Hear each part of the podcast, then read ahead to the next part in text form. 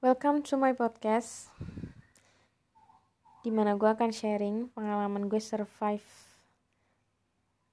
Menghadapi kecemasan Atau GERD anxiety Dengan bantuan alam. Dengan bantuan Sesuatu yang selama ini banyak dianggap uh, Atau dipandang sebelah mata sama orang Dianggap tidak sehat dianggap menimbulkan penyakit yang sebenarnya adalah salah kaprah karena gue survive dengan GERD anxiety gue berkat uh, minyak yang dihasilkan dari buah ini.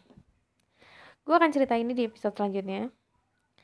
Tapi gue tidak akan terlalu sharing apa yang gue alamin ketika gue GERD mungkin gue akan sharing sedikit aja.